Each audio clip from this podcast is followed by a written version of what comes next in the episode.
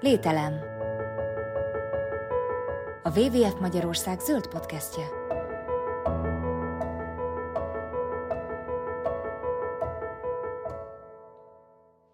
Sziasztok, üdvözlöm a hallgatókat, Gálhegyi László vagyok, a WWF Magyarország erdővédelmi programvezetője.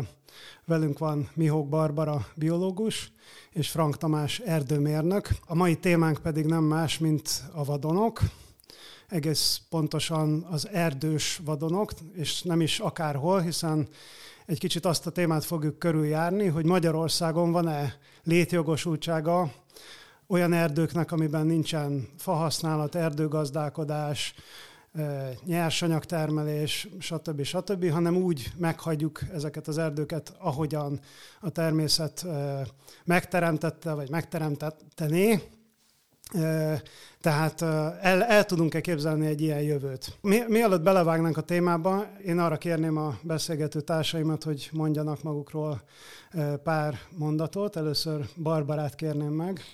Köszönöm szépen a, a meghívást. Biológusként mutattál be, és igen, az is vagyok eredetileg. Ökológusként végeztem, és mentálhigiénész szakemberként is dolgozom a környezeti társadalomkutatók ISSRG-nél, illetve a Szegedi Egyetemen, és ahogy én kapcsolódom ehhez a témához, az az, hogy hogy nagyon érdekel a természet és a mentális egészségnek a kapcsolata, és hogy mit, mit tud hozzárakni ezeknek a, a vadonoknak, vagy ezeknek az élőhelyeknek a, a létezése a, az emberi jóléthez. Köszönöm szépen. Tamás?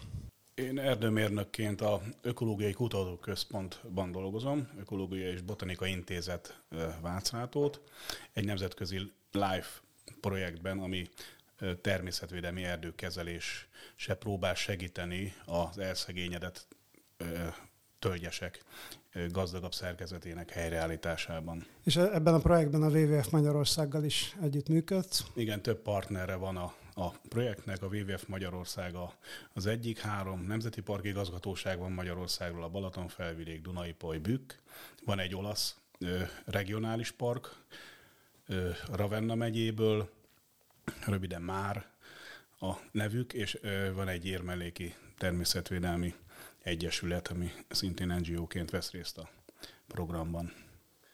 Köszönöm szépen. Jut majd időn, időnk, remélem, hogy egy kicsit erről a projektről is beszéljünk.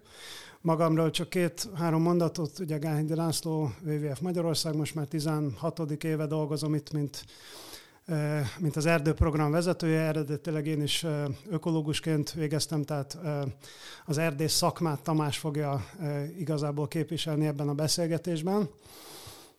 És hát ez azért is fontos, mert, mert szinte végig az erdőkről fogunk beszélni, nem, nem ö, egészen szűken véve, de azért, azért ö, alapvetően, alapvetően az erdők határozzák meg ennek a mai beszélgetésnek a témáját. És hogy, hogy a vadonok, mint szó egyáltalán hogyan kerül bele ebbe az összefüggésbe, az a, talán, talán onnan kezdeném, hogy 2012-ben a Börzsöny északi részén lévő Csarna völgyel kapcsolatban mi, mint WWF Magyarország indítottunk egy kampányt, és ennek a kampánynak az volt a, a célja, a témája, hogy a, a, a völgyben található körülbelül 1000 hektáros, egyébként fokozottan védett erdőterületet őrizzük meg olyannak, mint amilyen most, amilyen név vált tulajdonképpen az elmúlt 3-4-5 évtizedben, kicsit vadonszerűvé, és ekkor kezdtünk el arról beszélgetni, hogy, hogy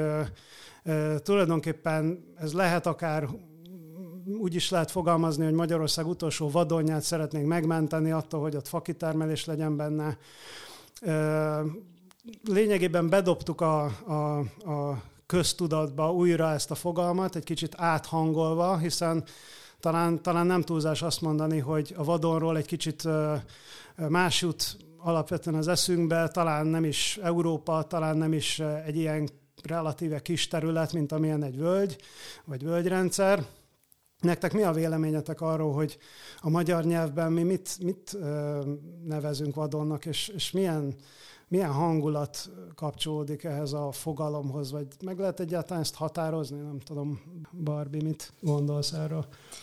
Hát én erre egy kérdéssel tudnék válaszolni, hogy én is ezt kérdezném tőletek, hogy szerintet, hogy számotokra mit jelent a vadon, illetve hogy ö, olyan szempontból meg is válaszolnám, hogy, hogy a vadon fogalma az az én értelmezésem szerint egy ilyen konstrukció, aminek a jelentését sokféleképpen össze lehet rakni. Egy természetvédelmi pszichológiai könyvben olvastam nemrég, ami ez egy részben ezzel is foglalkozik, hogy a vadonság az mit jelent az emberek számára, hogy, hogy a vadonnak a, a meghatározásában nagyon fontos, így lelki vagy pszichológiai szempontból az, hogy az, hogy az emberek mit élnek meg vadonként, és hogy mik azok a, a jellegzetességei a vadonnak, amik túlmutatnak azon, mint amit az ökológusok, meg az erdészek, vagy, vagy az erdőökológusok megállapítanak, mint a, a vadon jellemzői, és ide tartozik például a, az egyedüllét élményének a, a megadása. Tehát a vadonok olyan területek, ahol az ember igazán megéleti azt, hogy, hogy úgy el tud veszni a,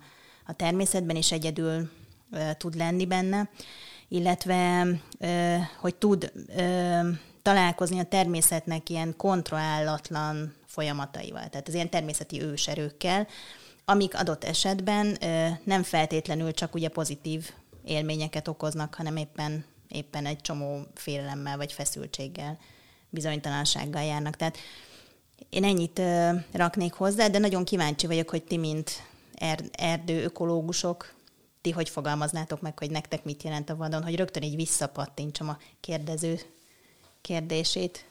Nekem ö, néhány ilyen jellemző jut eszembe rögtön. Ugye az egyik ez a elhagyatottság, tehát ez összefügg ezzel, hogy, hogy, hogy egy ember ott hogy érezheti magát, ugye egyedül van, de hogy ránézel arra az erdőre, arra a vadorra, ott rögtön lát, hogy ez egy elhagyatott terület, tehát nincs benne, nem folyik ott emberi tevékenység, tehát bolygatatlan emberi, az ember által nem bolygatott terület, és, és valóban elég nagy ahhoz, hogy úgy érezd ott magad, hogy itt na most tényleg egyedül vagyok, és csak azt észleled, vagy azt tudod megtapasztalni, hogy a természet folyamatai működnek. Igen, hát én azt gondolom, hogy e-, ehhez még talán annyit tudnám én magam hozzátenni, hogy ne, nekem mi a vadon, hogy olyan formákkal találkozom, olyan, olyan látványokkal, olyan, olyan fény és szín élményekkel, amikkel mondjuk egy, egy átlagos gazdasági erdőben nem. Tehát, hogy mire gondolok, egyszer csak ott terem előttem egy kidőlt fa, ami, amire ha ránézek, akkor látom, hogy egy méter átmérőjű, a felszínét moha borítja, egy hatalmas gyökértányér, az, amivel kiszakadt a földből, a koronája már félig a földben van, és fölött egy hatalmas ablakot formáz a, a, a lombkorona. Tovább megyek, akkor ott egy, egy másik furcsa, esetleg ferdén nőtt fával találkozom, és ahogy haladok befelé egy ilyen vadonszerű erdőben, egyre inkább egy ilyen, egy ilyen mesevilág képe tárul fel. Sokszor volt ilyen, ilyen benyomásom, van benne valami sajátos harmónia, valami, valami idegenszerű, de mégis ismerős élmény, ami, amiről tényleg úgy, úgy érzi az ember, hogy na ez, ez tényleg a természet. Egy kicsit kapcsolódva ahhoz, amit elmondtatok, ez a, ez a magányosság és, és nagyon, nagyon el, elszakítottság élmény, ez, ez nekem nem mindig fontos, bár, bár elismerem, hogy a, a vadonsághoz ez is hozzátartozik. Én egy kicsit akkor is, én már annak is tudok örülni, hogyha egy pici területen, egy néhány szobányi folton én meglátom ezeket az érdekességeket, és, és, és akkor úgy érzem, hogy, hogy ez a természetnek egy, egy, egy, egy darabja. Én még, még egy dolgot behoznék, ahogy itt beszéltek, hogy nekem a, az a szó az a nagyon erősen megjelent, hogy, hogy a kontroll nélküliség, vagy kontrollálatlan, hogy, hogy milyen, milyen rend tud akkor létrejönni a vadonban, hogyha ugye nincs kontrollálva ember által. Hogy neked erről mi a, vagy nektek erről van-e bármi benyomásotok, vagy érzésetek, mert ugye mondják azt is, hogy azért kell kezelni az erdőket, tehát hogy úgy, úgy nincs rendben az erdő, hogyha nincs jól megkezelve, de hogy a vadonoknak mégiscsak van valamiféle rendje. Ne, nekem nagyon más az a, az a, az a rend, amit, amit a vadonban látni vélek, mint amit az erdész hoz létre. Ugye, hogy ha egy szokásos, jól ismert hazai gazdasági erdőbe bemegyünk, akkor ugye általában egykorú fákat látunk, amik egyenesen nőnek az ég felé, és egy, egy ilyen oszlopcsarnok hangulatot árasztanak. Hogyha szépen kezelt bükkösről van szó, mondjuk egy száz éves bükkös, az tényleg nagyon gyakran ilyen templomi hasonlatokat szoktak vele kapcsolatban emlegetni. Hogyha egy, egy, egy ilyen magára hagyott vadonszerű erdőbe járkálunk, akkor sokkal inkább, szinte minden négyzetméterre más, és azt érezzük, hogy az ottani növények, tehát azok a nem csak fák, hanem nyilván a cserjék, a lágyszárúak, a mohák, stb. A, a saját biológiai szükségletük szerint, ahogy igénybe veszik a teret, és növekszenek, mint hogyha egy kertben lennének, felveszik azokat a formákat, amiket jellegzetesen felszoktak, tehát azt a koronaformát például, vagy azt a párna formát, és ezeknek az egymás melletti rendezettsége, ez, ez, ez, ez teljesen más harmóniát áraszt, mint egy, mint egy jól kezelt gazdasági erdő. Igen, tehát van egyfajta rendetlenség a vadonban. Igazából ez sokszor ugye kritika lehet a mondjuk az erdőt kezelők felé az erdőben járók, kirándulók részéről, hogy már megint hogy néz ki az erdő, itt is van egy kidőlt fa, ott egy letört hatalmas ág az úton, de igazából a természetes folyamatok által irányított vadonban ez a rendetlenség az egyik ilyen jellemző, amely nyilván olyan szintű rendetlenség, hogy szerepe van minden egyes ilyen szerkezeti jelennek a, az erdőben, és ha ezeket nyilván kitakarítjuk, kipucoljuk, akkor látunk szép oszlopcsarnokot, és nem igazán erdőt. Az erdőhöz hozzá tartozik az, és hogyha az ráadásul vadon, akkor, akkor igen nagy rendetlenség tudott lenni. A kidőlt fák, a különböző alakú fák, sokféleség ezt okozza. Tehát ez az elhagyatottság érzet, tehát hogy ez egy elhagyatott terület, ugye ez, ez, ez innen jön az emberbe. Tehát látszik, hogy itt nem rakott senki rendet, ezt nem kontrollálja senki, ahogy az előbb mondtad. Ha, ha, már elkezdtünk beszélni erről, és említetted, hogy, hogy ez a rendetlenség ez, ez megjelenik, ugye az a projekt, aminek a, a szellemi atyaként is szerepelsz, az pont egy olyan tevékenységet karol föl, ami, ami az erdőket egy kicsit vadonosítja, vagy vadonabbá teszi mondanál, Tamás, pár mondatot arról, hogy ennek mi, milyen célja van, miért kellene nekünk eltávolodni a hagyományos erdőképtől és, és a vadon felé haladnunk, milyen, milyen jelentősége van ennek, és milyen szempontból? Tehát ez a LIFE projekt, amely Natura 2000-es jelölő tölgyes élőhelyeknek a természeti állapotát próbálja javítani, elsősorban ugye biodiverzitás, erdei biodiverzitás megőrzési célból. Ez azért indultunk el ezen az úton, azért jutottunk el erre a gondolatra, hogy tegyünk valamit a, az erdők állapotának, természetesség állapotának javítása érdekében, ami egyébként egy kicsit a rendetlenség irányába fogja majd eltolni ezeknek a, a képét, mert a tölgyesek, azok talán egész Európában igaz rájuk, nagyon jelentős területveszteséget szenvedtek az utóbbi évszázadok során az emberi tevékenységnek és területhasználatnak köszönhetően. Ugye a tölgyesek zónájába nagyjából építettük leginkább a településeinket, a mezőgazdasági tevékenység, a mezőgazdasági területek is az eredeti tölgyesek termőhelyén vannak, ott építjük az autópályákat, stb. És a megmaradt tölgyeseinket pedig intenzíven használjuk, ugye a faanyag nyerés céljából, mert értékes fája van a tölgynek, és hát ez, ez mind azt eredményez, hogy a megmaradt tölgyesek is sajnos elszegényedtek, mind szerkezetükben, mind pedig fajösszetételükben, és ugye nem csak a, a világ más tájain, de Európában is ugye kongatják már a, a tudósok, szakemberek a vészharangot, hogy olyan vészesen fogy a biodiverzitás, hogyha nem teszünk nagyon sürgősen valamit, akkor nagyon, nagyon is visszafordíthatatlan folyamatok fognak bekövetkezni, és ez igaz ezekre a tölgyerdőkre is, és hogyha csak úgy próbáljuk megőrizni ezek élővilágát, hogy magukra hagyjuk őket bizonyos területeken, és majd helyre állnak maguktól. Ez igaz lesz, csak lehet, hogy az a néhány száz év, amíg ez megtörténik, már nem lesz olyan élőlény, vagy az nem lesz meg az eredeti életközösség, hogy oda vissza tudjon települni. Ezért gondoltuk, hogy kicsit fölgyorsítjuk az időt, és az erdő szerkezet változatosságát ö, növelő olyan természetvédelmi erdőkezelési beavatkozásokat mi magunk hajtunk végre az erdőben, amit egyébként a természetes erdőkben, vagy akár az ilyen vadonokban a természet maga is ö, ugye elvégez. Ö, holdfát állítunk elő, olyan mikroélőhelyeket alakítunk ki, amelyek egy rengeteg élőlénycsoport számára különlegesek, például a szaproszilofág, bogarak, amelyek ugye a, a hold faanyaggal táplálkoznak, abban fejlődnek ki, azok számára alakítunk ki facsonkokat, olyan kéreg alatti kis búvóhelyeket, fakéreg alatti búvóhelyeket, ahol a denevérek is, vagy akár a fakusz be tud fészkelni, denevérek be tudnak bújni, kis lékeket, napsütötte lékeket az egyenletes, homogén erdőben alakítunk ki, amely nem csak arra jó, hogy a természetes erdő dinamikai folyamatokat segítsük, a tölgy vagy más fafajok természetes megújulását, hanem arra is, hogy mondjuk virágzó cserjéket tudjunk ott megtelepíteni, vagy maguktól megtelepedjenek, és oda vonzanak rovarokat, más madarakat, stb. stb. Tehát egy csomó olyan dolgot próbálunk viszonylag rövid idő alatt kialakítani ezekben a elszegényedett szerkezetű erdőkben, amit egyébként hosszú évtizedek, évszázadok alatt a természet is ott elvégezne.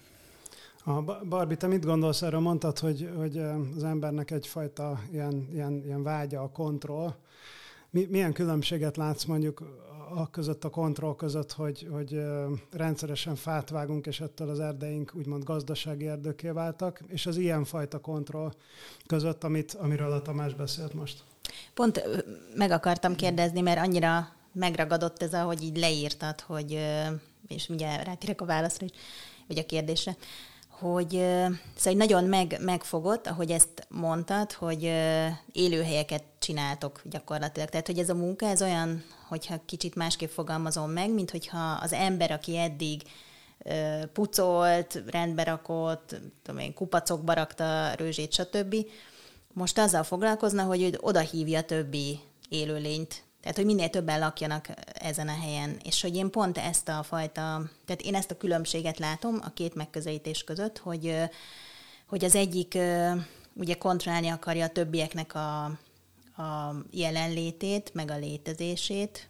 A, a másik, amiről meg a Tamás beszél, az pedig lehetőséget ad minél több élőlének. Tehát az ilyen inkluzív, ilyen lehetőséget adó, sokféleséget növelő tevékenység, és hogy benne az a... az állatokat az Igen, tehát egy ilyen részvételi módon gondolunk az erdő működésére is. És nekem az a kérdés fogalmazódott meg bennem, hogy kicsit itt tovább is dobjam a labdát, hogy szerinted miért van az, hogy, hogy, hogy bizonyos körökben, vagy bizonyos gazdálkodói, vagy nem tudom milyen bizonyos érdek csoportoknál az előző kontrolláló szemlélet van, és mi az, ami például benned egy ilyen irányt indított, hogy, hogy te meg egy ilyen projektbe veszel részt, vagy azok az erdészek még, vagy, vagy más gazdálkodók, akik ilyen jellegű szemlélettel néznek a, a természetre, meg a saját tevékenységükre is.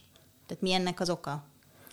Nem tudom pontosan idézni Badács ember tragédiájából ezt a részt, ami a sasról és a vakondról szól, hogy mind a kettőnek más a horizontja.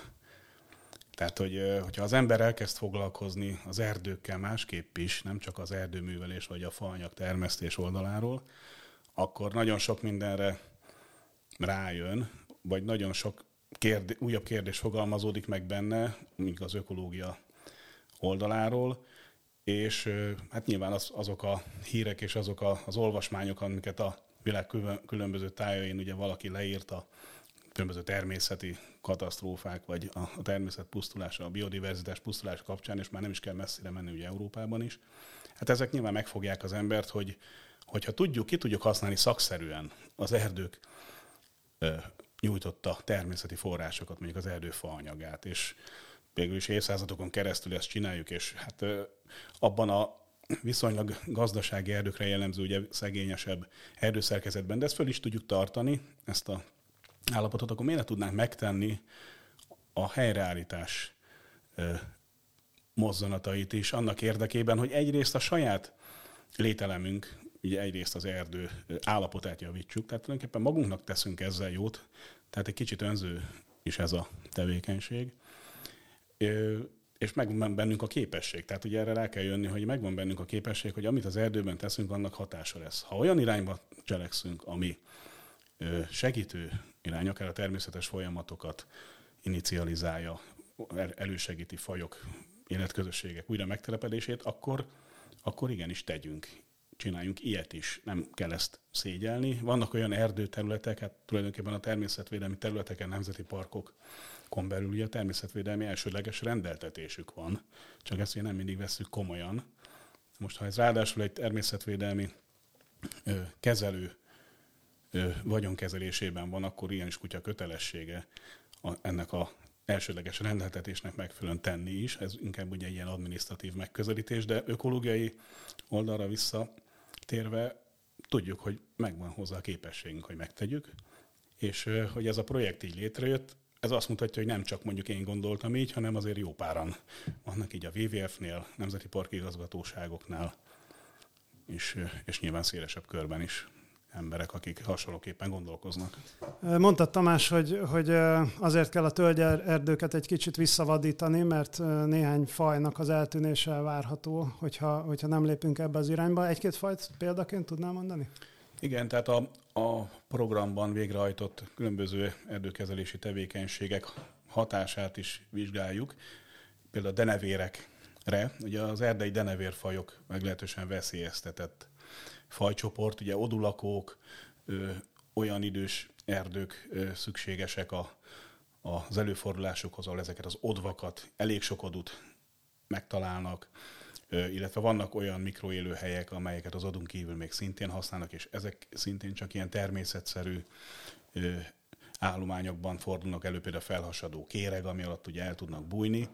Tehát például a piszedenevér egy ilyen egy ilyen nagyon veszélyeztetett denevérfaj egész Európában, ami konkrétan az általunk végrehajtott ilyen be, mikroélőhely kialakító beavatkozásoknál már tapasztaltuk is jelenlétét a, az általunk készített mikroélőhelyekhez kapcsolódóan. Aztán említhetném a harkályok, amelyeknek egy része ugye antropogén környezetben, tehát városokban, temetőkben, parkokban is megfigyelhető, de csak azért, mert ugye ott vannak a legidősebb fák a környéken, sajnos az erdőkből hiányoznak, tehát az emberi környezetben találja meg a, azokat az öregvén fákat, amikhez igazán kötődik, de hogyha ezekben a tölgyesekben kialakítunk olyan erdő szerkezeti viszonyokat, akkor viszonylag gyorsabban meg tud nőni egy-egy fajegyed nagy fává. Ugye az időt nem tudjuk fölgyorsítani, tehát nem lesz hirtelen 200 éves fa az erdőbe. Dolgozunk rajta, hogy ez hogy lehet. Ez valószínűleg később sikerül majd. Ha segítünk néhány faegyednek, hogy gyorsabban növekedjen és minél előbb legyen nagy terebélyes fa, ez ugye oda vonzza a harkály, harkályokat is, amelyek ugye rovarok után kutatva veszik birtokba ezeket a, az élőhelyeket, mert egy ilyen hatalmas, idősebb fán ugye elég sok holdfarész van, öreg, elhaló ágak, ezeket rögtön kolonizálják a különböző bogarak, amiket elkezdenek keresni a harkályok, akik aztán ide odukat vésnek, ezekbe az odukba egy csomó más élőlény megtelepedik, például az örvös légykapú, vagy a cinkék, és ez, ez, ez egy ilyen összekapcsolt rendszer. A bogaraknál nagyon jól megfigyeltük, a szaproszilofák bogaraknál, ugye ezek a holdfához kötődnek, hogy amikor készítettünk egy tölgyfacsonkot, ugye a tölgyfacsonk az úgy néz ki, hogy a törzs egy darabja, ami egy-két-három-négy méteres darab is lehet, áll a helyén, és ez egy elhalt holt fának számító objektum, élőhely, azonnal ö, fölkeresték a nagy hőszincérek. Ugye a frissen kialakított ö, ö, csonk a számukra a legjobb petézőhely volt, és a nagy hőszincér is így európai szinten egy nagyon veszélyeztetett bogár.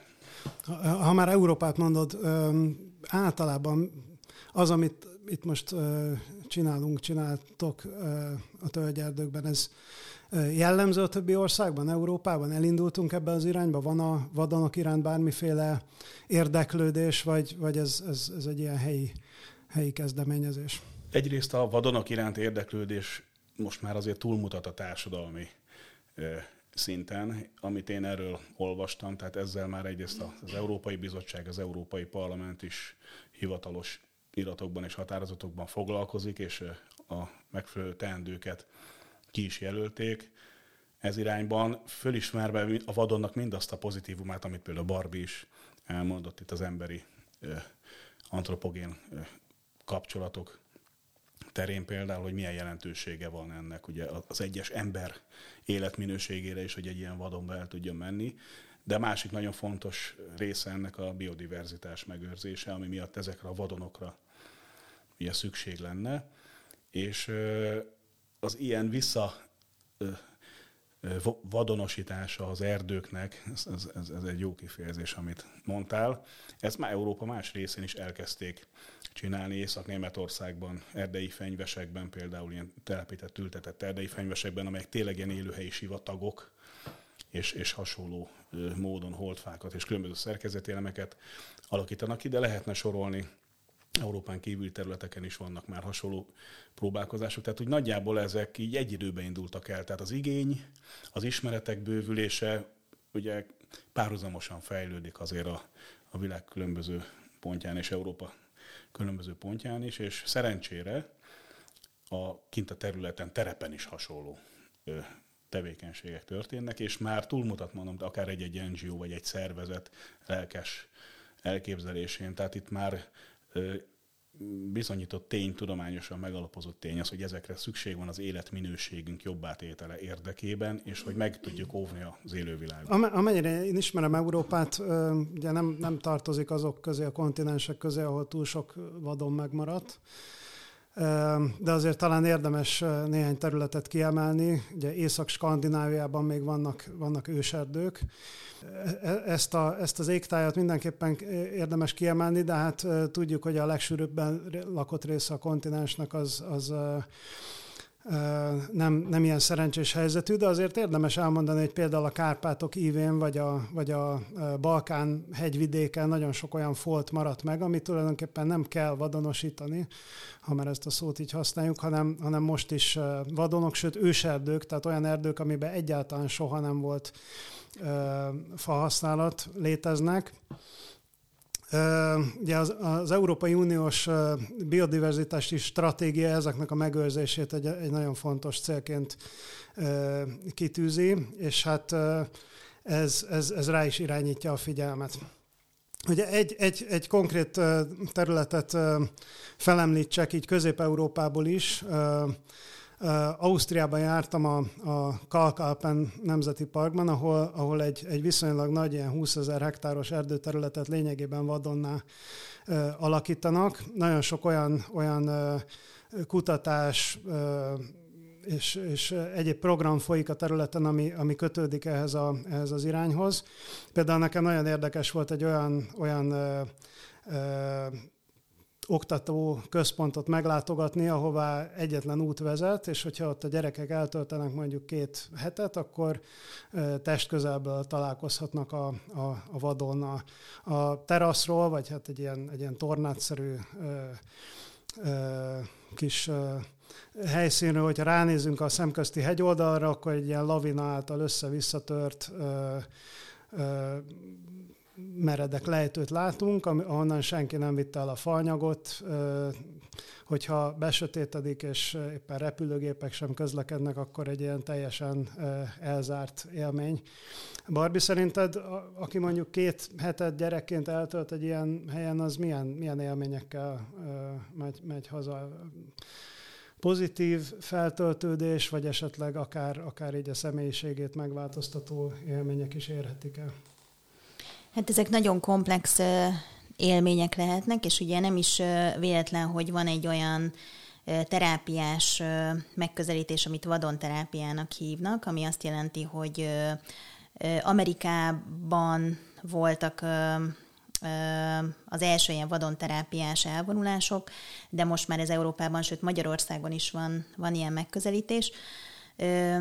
Ennek a lényege az, hogy a résztvevők egy csoportját, például fiatalkorú résztvevők, vagy javítóintézet, vagy állami gondozottak, vagy kamasz gyerekek, egyebek kivisznek két-három hétre ilyen vadon körülmények közé, amit te is említettél, ez, a, ez az osztrák példa, és akkor ott a saját maguk erejéből kell boldogulniuk két-három héten keresztül, úgy, hogy ráadásul a, ugye a csapatnak is össze kell érnie, és ott a terapeuták, vezetők segítségével egy ilyen nagyon komolyan ismereti folyamat is zajlik.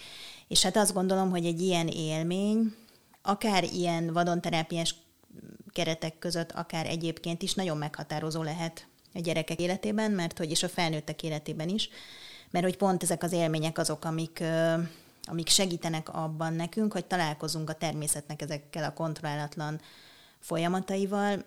Magának a, a, az ilyen ö, a vadonban ö, lévő eltöltött időnek nagyon sokféle hatása is van. Az egyik önmagában csak a természet, mint, mint ö, stresszcsökkentő, megnyugtató, idegrendszert regeneráló képessége miatt, tehát már csak ez az élmény, hogy kint, kint vagyunk a természetben, ez jót tesz nekünk. De az ilyen vadonterápiás ö, alkalmak során nagyon lényeges fejlődésen mehetnek keresztül a résztvevők, hiszen megtapasztalják a saját erejüket, meg a kompetenciájukat az adott helyzetben, egy olyan, olyan helyzetben, amihez ugye nem vagyunk hozzászokva, ami, ami teljesen kiszakít minket a megszokott, minden, megszervezett és jól ismert keretek közül, és, és újfajta készségeket, képességeket kell elsajátítani, illetve hát ez a társas együttlét is nagyon sokat számít. És ezért az ilyen, ilyen jellegű együttlétek, táborok, terápiás táboroknak nagyon komoly személyiségfejlesztő hatása is van. Itt Magyarországon a, például a Két Alapítvány csinál ilyen vadonterápiás elvonulásokat, vagy szervezéseket, de, de vannak más hasonló jellegű szerveződések is. Érdemes őket megnézni, ők ráadásul ilyen trénerképzéssel is foglalkoznak. Eh, ahogy beszéltél erről a dologról, nekem az jutott eszembe, hogy, hogy, hogy igazából eh, ezeket az élményeket, bár eh, nagyon me- nehéz megszerezni olyan területeken, amik távol vannak vadonoktól, de talán, talán érdemes gondolni arra, hogy szinte minden település mellett vannak olyan természeti területek, amik legalább kis foltokban mutatják a vadonnak a jeleit, és hogyha ilyen helyekre visszük el a gyerekeket, mint én például elég, elég sok túrát vezetek a Normafa környékére, ahol nagyon sok idős erdőfolt található, akkor ezzel valami picit át lehet mindebből adni. De azt is tudjuk ugyanakkor, hogy, hogy egy kicsi foltja az ilyen érintetlen természetnek az lehet, hogy funkcionálisan ökológiai szempontból nem elegendő. Tehát amiről beszélünk, ez a téma, ez nyilván azért is fontos, mert szeretnénk, hogyha hogyha az országnak, vagy Európának, sőt a világnak egy kicsit nagyobb része vadulhatna vissza, vagy, vagy maradhatna meg olyan állapotban, amilyen. Tamás, azt kérdezném tőled, hogy, hogy mi, a, mi a természetvédelmi, ökológiai értéke ezeknek a vadonoknak? Mi az a néhány dolog, amit ki lehet emelni, hogy, hogy ezek, ezek valójában hozzátesznek a, a, a világ stabilitásához? Ugye említettük a vadonok általunk fontosnak tartott jellemzői között, illetve ezt több helyen is mások is leírták, hogy a természeti folyamatok ugye szabad érvényesülése. Ez egy nagyon lényeges kérdés, ami ami ugye nem így van mondjuk a gazdálkodás alatt álló erdőkben. Ott jobb esetben a gazdálkodó kihasznál ezekből a folyamatokból egy-kettőt, de összességében nyilván ő kontrollálja, ő irányítja ott a, a folyamatokat. Viszont amikor a természet dolgozik, az, az nagyon sokat segíthet abban, hogy bővítsük az ismereteinket.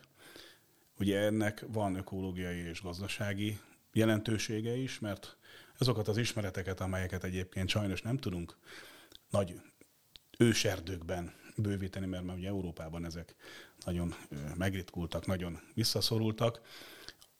Olyan területeken viszont lehetséges, amelyeket, hogyha mi, mi kialakítunk, vadonként tartunk nyilván, és ott elindulnak ezek a folyamatok, ott is tudunk tanulni, és ez segíthet minket a gazdálkodásunk során, segíthet minket a természetvédelmi tevékenységeink során. Ugye olyan életközösségek képesek megtelepedni a magára hagyott vadó jellegű területeken, amelyeknek nagyon sok idő kell ahhoz, hogy, hogy megszerveződjenek, mert, mert a, a, az őket alkotó egyes fajok, fajcsoportok, mondjuk például a nagytestű bogarak, lárvái akár több évig, egy évtizedig is fejlődhetnek ki egy-egy öreg fában, és hogyha az az öreg fa ott közben eltűnik, mert elszállítják tűzifának, akkor nem fog tudni kifejlődni. Tehát, hogyha ezek békén hagyott, nyugodt területek, akkor lehetősége van a máshol életterüket meg nem találó élőlényeknek itt újra megtelepedni, és hogyha egy kicsit tudjuk javítani, vagy jelentősen tudjuk javítani az erdőhöz való hozzáállásunkat, gazdálkodói szinten is. Tehát fontosnak fogjuk valóban érezni azt, hogy tegyünk a gazdálkodás során azért, hogy változatosabb legyen az erdőszerkezet, legyenek élőhelyek, maradjanak meg mikroélőhelyek a gazdálkodás alatt álló erdőkben, akkor ezekből a vadonokból képesek lesznek bizonyos fajok visszatelepedni, akár a gazdasági erdőkben is meg tudnak újra jelenni. És ez valamennyire a stabilitásokat is Igen. növeli. Tehát a, ez, ez egy fontos dolog, ez a stabilitás, ez a fogalom, mert a gazdálkodás sokszor az erdő bizonyos védekező funkcióit kikapcsolja. Például a, a, az ilyen abiotikus károk, tehát a környezeti hatások, nagy viharok sok esetben a gazdá, gazdasági erdőket nagyon nagy területeken pusztítják szinte teljességgel el, amíg egy, egy természetesebb állapotú állományban is ugye az sem marad teljesen sértetlen, de nem mindegy, hogy mekkora ugye a kár. Tehát, hogyha van az erdőnek egy ellenálló képessége, ilyen irányban is, akkor, akkor a gazdasági tevékenységünk is ellenállóbb lesz a, a, a különböző kedvezőtlen hatásokkal szemben, ami pedig már Hát ugye megint csak rólunk szól. Igen, hát ezekről a károkról nagyon sokat hallunk, ugye most épp, éppen ezekben a hónapokban a, a, az erdőtüzek vannak így a, így a, a hírekben leg, leginkább, de, de hát nyilván más a viharkárok, a jégkárok ugye a téli időszakban. A, a vadonoknak van-e, van-e például szerepe, van-e bármiféle pozitív hatása, hogyha a klímaváltozásra gondolunk, érdemes-e velük egyáltalán foglalkozni, vagy most már nekünk úgyis mindegy, és legalább vágjuk ki, amit lehet? Ez egy nagyon érdekes kérdés.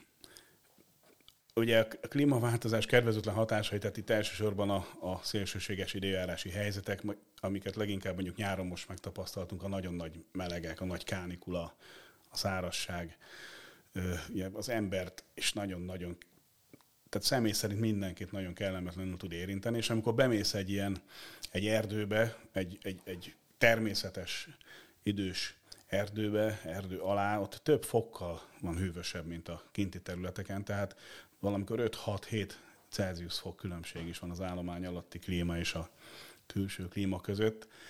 Tehát ha ezt a puffer hatását ö, nem tekintjük elég fontosnak az erdőnek, akkor, akkor ugye nem sok mindent fogunk tudni tenni, de ha azt mondjuk, hogy ez fontos, és nekünk az is nagyon-nagyon jó, hogyha a, a, az ilyen szélsőséges klímájú területek melletti erdők, azok, ha bemegyünk, a pufferolják ezt a kedvezőtlen hatást, és meg tudják őrizni a saját állomány klímájukat, ami, ami nem csak nekünk jó, hanem egy csomó minden más élőlénynek, már ez, ezzel sokat tettünk a kedvezőtlen klímahatások megőrzésére, illetve például egy ilyen vadon jellegű területen, ahol ugye magára hagyjuk a természetet, ott a különböző ősonos fafajainknak a, ugye az újulata, az utódállománya is ki tud magától alakulni. Na most, mivel mi nem avatkozunk be, hanem tényleg a természet koordinálja az eseményeket és dönti el, hogy ki marad meg és ki fejlődhet tovább, sokkal nagyobb esélye lesz a klíma ellenálló egyedek megmaradásának, akik genetikaikba hordozhatják a szárazabb, melegebb viszonyokhoz való alkalmazkodást, mint hogyha az ember fogja mondjuk termesztési szempontok alapján az erdőművelési tevékenységével eldönteni, hogy ez a fa megmarad, ez meg nem. mert ott csak az fog számítani, hogy melyiknek egyenesebb a törzse. De a természet nem így szelektál. Tehát ha, ha, ha jól értem, amit mondasz, ugye itt az erdőgazdálkodással összefüggésben is fontos a, a vadonoknak a, a, a megőrzése. Nyilván az egyik első kérdés, amikor, amikor ilyen, ilyen témáról szó kerül, ha valaki egy kicsit így a, így a gazdálkodás felől nézi a dolgot, hogy hát egy, megengedheti egy ország magának azt, hogy, hogy vadonokat tartson fönn, miközben egyre többen vagyunk, egyre több fát is használunk, egyre több papírt használunk, van, van ennek helye egyáltalán, akár Magyarországon, akár Európában, akár, akár a nagyvilágban, vagy pedig annak a folyamatnak, ami, ami végül is az erdőknek a lassú felszámolásához vezet, bizonyos határok között érdemes gátat vetni. Ugye most azt próbáljuk feszegetni, hogy luxus se egy ilyen vadon, vagy pedig ez csak a gazdag országok kiváltsága. Hát én azt gondolom, hogy a, a tiszta víz, a tiszta levegő, és ehhez tartozik akár egy, egy tiszta természetes erdő egy vadon is, hát az nem luxus, hanem a alapja a létnek, amit egy Magyarországnak is igencsak kijár, tehát Magyarországon is az itt élő embereknek ugyanúgy jó lesne egy ilyen területeken néha kikapcsolódni, mint ahogy jó esik a tiszta vizet és ugye fölhörpölni, tehát az sem luxus. Igenis, ez alapvető kellene, hogy legyen, csak sajnos ugye hát szennyezzük a vizeinket, az erdeinket, esetleg túlhasználjuk, vagy elszegényítjük természetes állapotukban. Igen, hát még a bevezetőben említettem, hogy, hogy ez a vadonfogalom, legalábbis a WWF Magyarország tevékenysége kapcsán a Csarnavölgynél kezdődött. Mi, mi, mi leginkább azt próbáltuk ezzel kapcsolatban be, bedobni a közvéleménybe, hogy van ugye tíz nemzeti park Magyarországon, ez, ez elvileg ugyanolyan közjóléti célokat szolgál, mint a világon máshol ez a ez a fogalom, hogy nemzeti park, ami hát nagyon sokszor egy országnak a karakterét is meg, meghatározza, egy turisztikai vonzerőt jelent, egy, egy, egy igazi magas minőséget. Nálunk mégis a tíz nemzeti parkunkban mindenhol fát, fát vágnak, és leginkább gazdasági erdőket találunk. Nagyon kevés érintetlen erdőhöz van, van szerencsénk.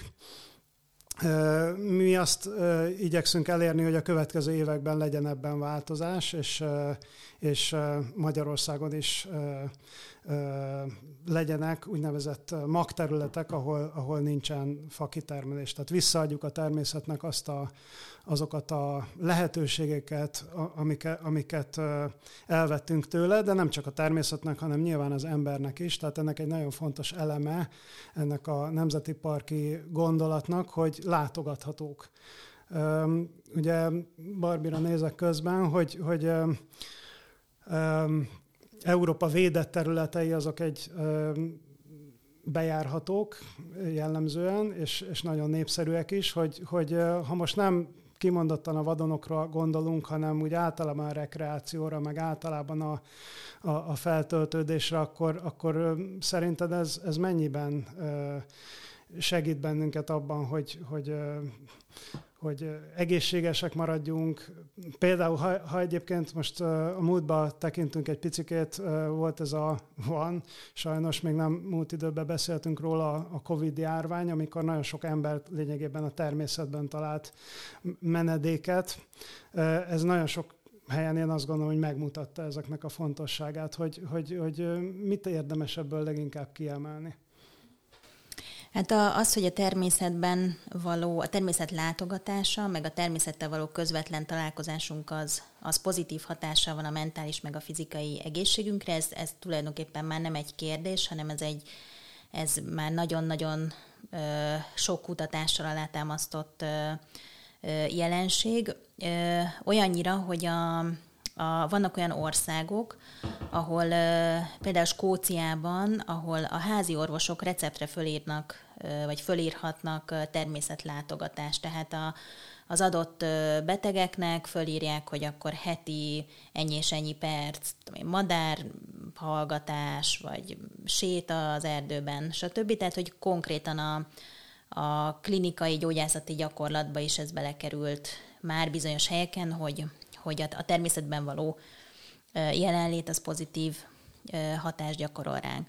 Mi most az Ökológiai Kutatóközpontnak a szervezésében most állítunk össze erről egy kis ilyen irodalmi, szakirodalmi áttekintést a hazai szakemberek számára is, hogy, hogy mit mond arról a tudomány, hogy miért jó nekünk a természetben való, a természettel való közvetlen találkozás, és hát nagyon sokféle módon, fiziológiai, szív- és érrendszer, légzőrendszer, most nem sorolom végig, tehát sokféle specifikus irányban már kimutatott ez a, ez a pozitív kapcsolat. Tehát én azt is gondolom, hogy, a, hogy, hogy mindenképpen például a COVID járvány is megmutatta ezt, hogy, hogy hogyha az emberek valamilyen rekreációs igényt nek a kielégítését ö, keresik, akkor, akkor nagyon sokan visszataláltak úgymond a természethez. Ugye csak azok voltak látogathatók, de, de, ez, de ez egy ilyen valós igényre ö, volt válasz. Nézzük egy picit a, a, vadonnak a sötét oldalát is. Ugye az elmúlt években olyasmi is előfordult, hogy Szlovákiából elindult egy barna medve, és majdnem Szegedig sétált. És hát ahogy ugye vadul vissza a, természet, például az északi középhegységben is egyre inkább megjelennek ezek a nagy testű ragadozók. Ez egy picit, mint hogyha gátat szabna a felhőtlen rekreációnak. Nagyon sokan félnek a, a, az ilyen típusú találkozásoktól. Mit érdemes erről gondolnunk egy olyan országban, ahol, ahol ez, egy, ez egy újdonságnak számít? Igen, ez egy kettős hatású dolog is lehet. Ugye vannak ezek a nagy testű Európában őshonos ragadozó fajok, amelyektől félünk, nyilván veszélyesek is bizonyos értelemben, akkor, hogyha nem a helyén kezeljük a, a dolgot. Aztán, ugye azt nem, nem tudom, én nem néztem azért ennek utána, de nyilván egy sok hatású dolog az, hogy miért is indul el egy barna medve a, mondjuk az eredeti élőhelyéről Szegedre. Valószínűleg nem a várjátékok, vagy valamilyen fesztivál vonza. Elképzelhető, hogy a, a, a, a, az eredeti élőhelyén már szűkös számukra a hely, vagy az, az élőhely kiterjedésének csökkenése miatt, vagy valóban ö, nyilván felszaporodott olyan szinten a barna medve állomány, amely ö, igényelne egyfajta átgondoltabb, ö, tehát védelmi intézkedést a faj szempontjából. Tehát nagyon sok tényezős dolog lehet. Nem feltétlenül a vadonok fogják a barna medvét elindítani más irányba az eredeti élőhelyéről, sokkal több probléma lehet ennek a forrása. Ezt természetesen kutatni kellene, vizsgálni ahhoz, hogy meg tudjuk mondani. Az is lényeges, hogy ne keltsünk hisztériát, pánikot, hogyha most itt vadon területek lesznek egy-két ezer hektáron itt, ott mondjuk Magyarországon, akkor akkor nem, nem, nem lesz attól még barna medve minden fő utcán, vagy tehát ettől nem kell azért félni. Ö, nyilván az, az élőhelyekkel való gazdálkodás és az élőhelyeknek a zavartalanságának a biztosítása talán jobban ö, előrelendíteni a dolgot, mert ha mindenhol ott van az ember, akkor az állatok nem találnak ugye nyugalmat. Azért ezt a, ha más nem a vadászati szakirodalomból tudhatják azok a szakemberek, akik ezzel foglalkoznak, hogyha a vadnak nincs nyugodt élettere, akkor nyilván szanaszéjjel fog mászkálni, zaklatott a jószág különböző stresszhatások érik, és ez a nagy ragadozókra is igaz. igaz. Tehát egy barna medvének, ha nincs nyugodt búvóhelye, nincs nyugodt táplálkozóhelye, mert mindenhol valami emberi tevékenységbe vagy emberbe ütközik, hát akkor szegény elindul.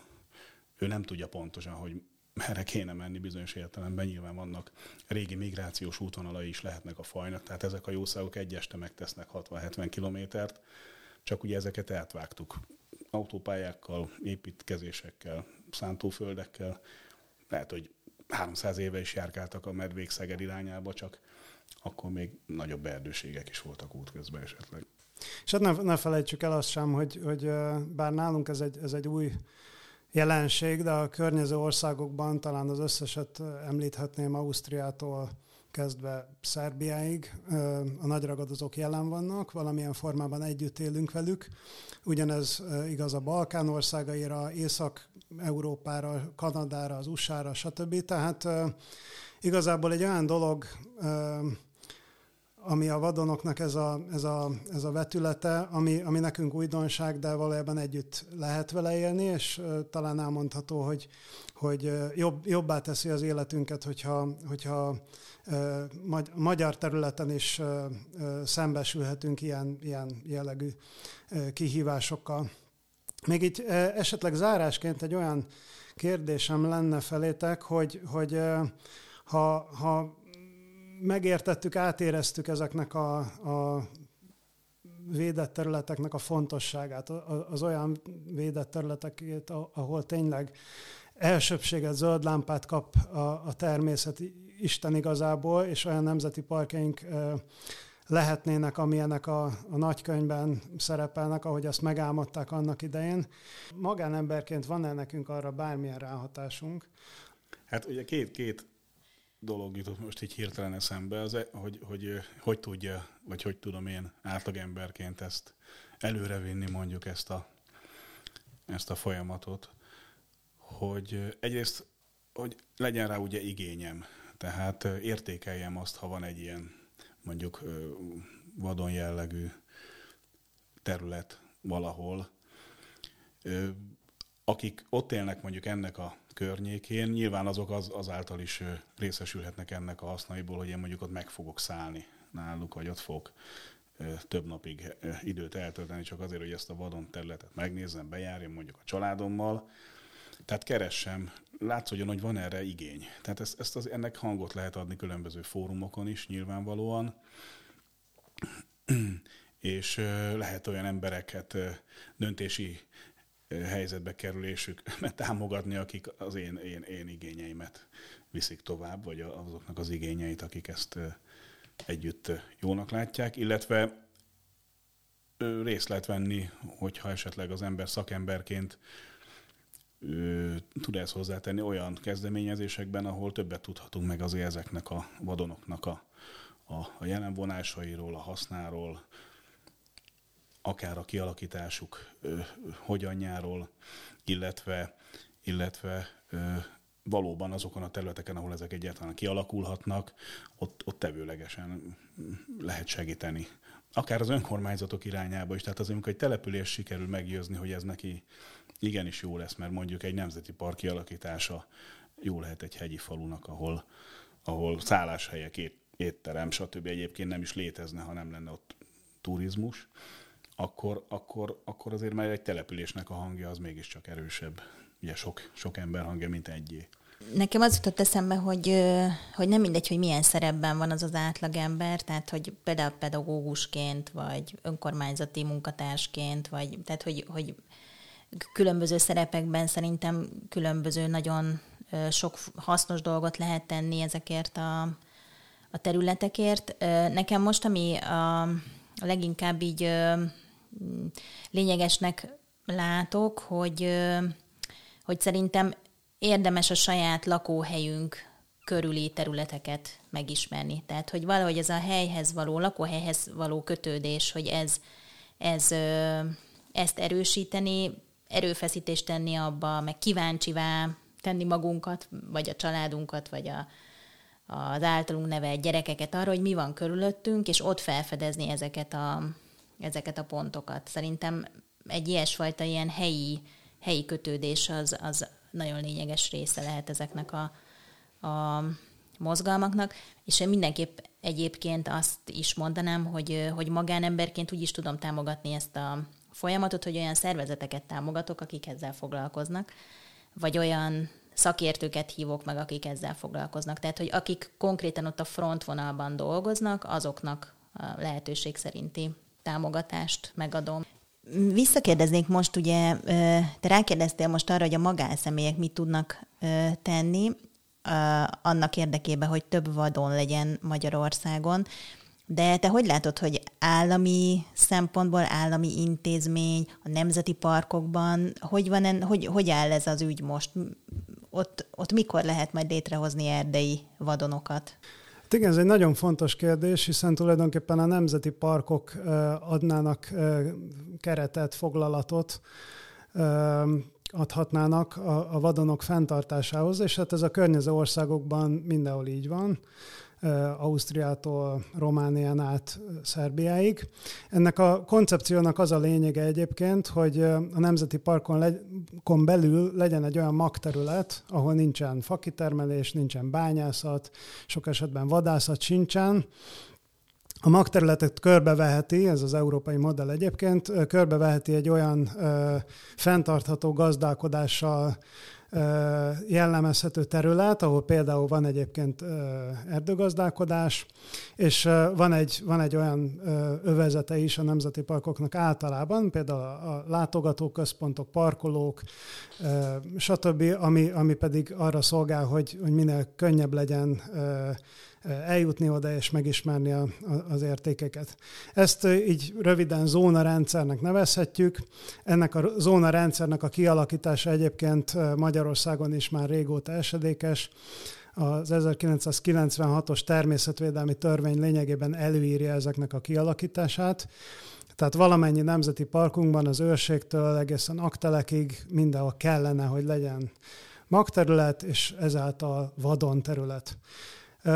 Miután ez, ez nem került át a gyakorlatba, ezért történt az, hogy 2012-ben mi, mint WWF Magyarország felszólaltunk a Csarnavölgy apropóján, a nemzeti parki zónák érdekében, és az akkori vezetés Illés Zoltán államtitkár irányításával el is kezdte ezeknek a gyakorlatba átültetését. Sajnos a, a politikai, szakmapolitikai folyamatok egy idő után megfeneklettek ebbe az irányba, és hát odaig sikerült eljutnunk, hogy, hogy a Hortobágyi Nemzeti Parkban a tavalyi év során megszületett a, az első zóna kihirdetés, tehát elmondhatjuk, hogy az egyébként legkevésbé erdősült nemzeti parkunkban már van zónarendszer. Ilyen értelemben elmondhatjuk azt, hogy kis területeken már, már vannak vadonjaink, de az mindenképpen fontos lenne, hogy mind a tíz nemzeti parkban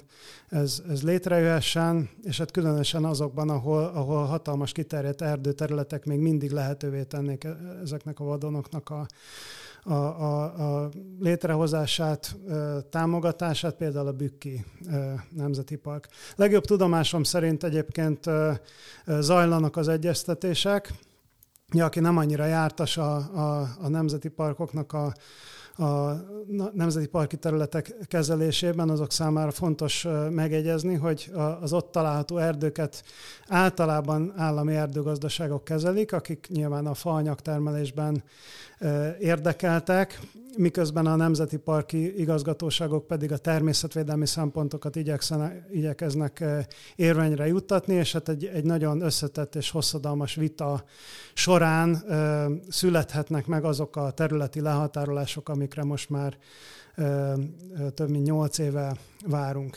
De amint ezek megtörténnek, és mi azt reméljük, hogy két-három éven belül ez, ez tető alá kerülhet, akkor, akkor én azt gondolom, hogy ez a folyamat egy újabb szakaszába lép. Elmondhatjuk, hogy, hogy a, az állami védett területeken tulajdonképpen megtettük, ami, amit, amit lehet, amit nemzetközileg e, e, támogatott, és ami, ami, ami számunkra is nagyon fontos lenne, de akkor még mindig nyilván a nemzeti parkokon kívül is van lehetőség arra, hogy a természet egy-egy darabját eredeti állapotában megőrizhessük. Köszönöm szépen a beszélgetést mind, mindkettőtöknek, messziről jöttetek az irodánkba, ugye Barbi Szegedről, Tamás a Mátrából, és hát azt reméljük, hogy, hogy elhangzott néhány érdekes dolog, amit, amit tovább lehet gondolni mindenkinek. Köszönjük szépen. Köszönjük minden jót.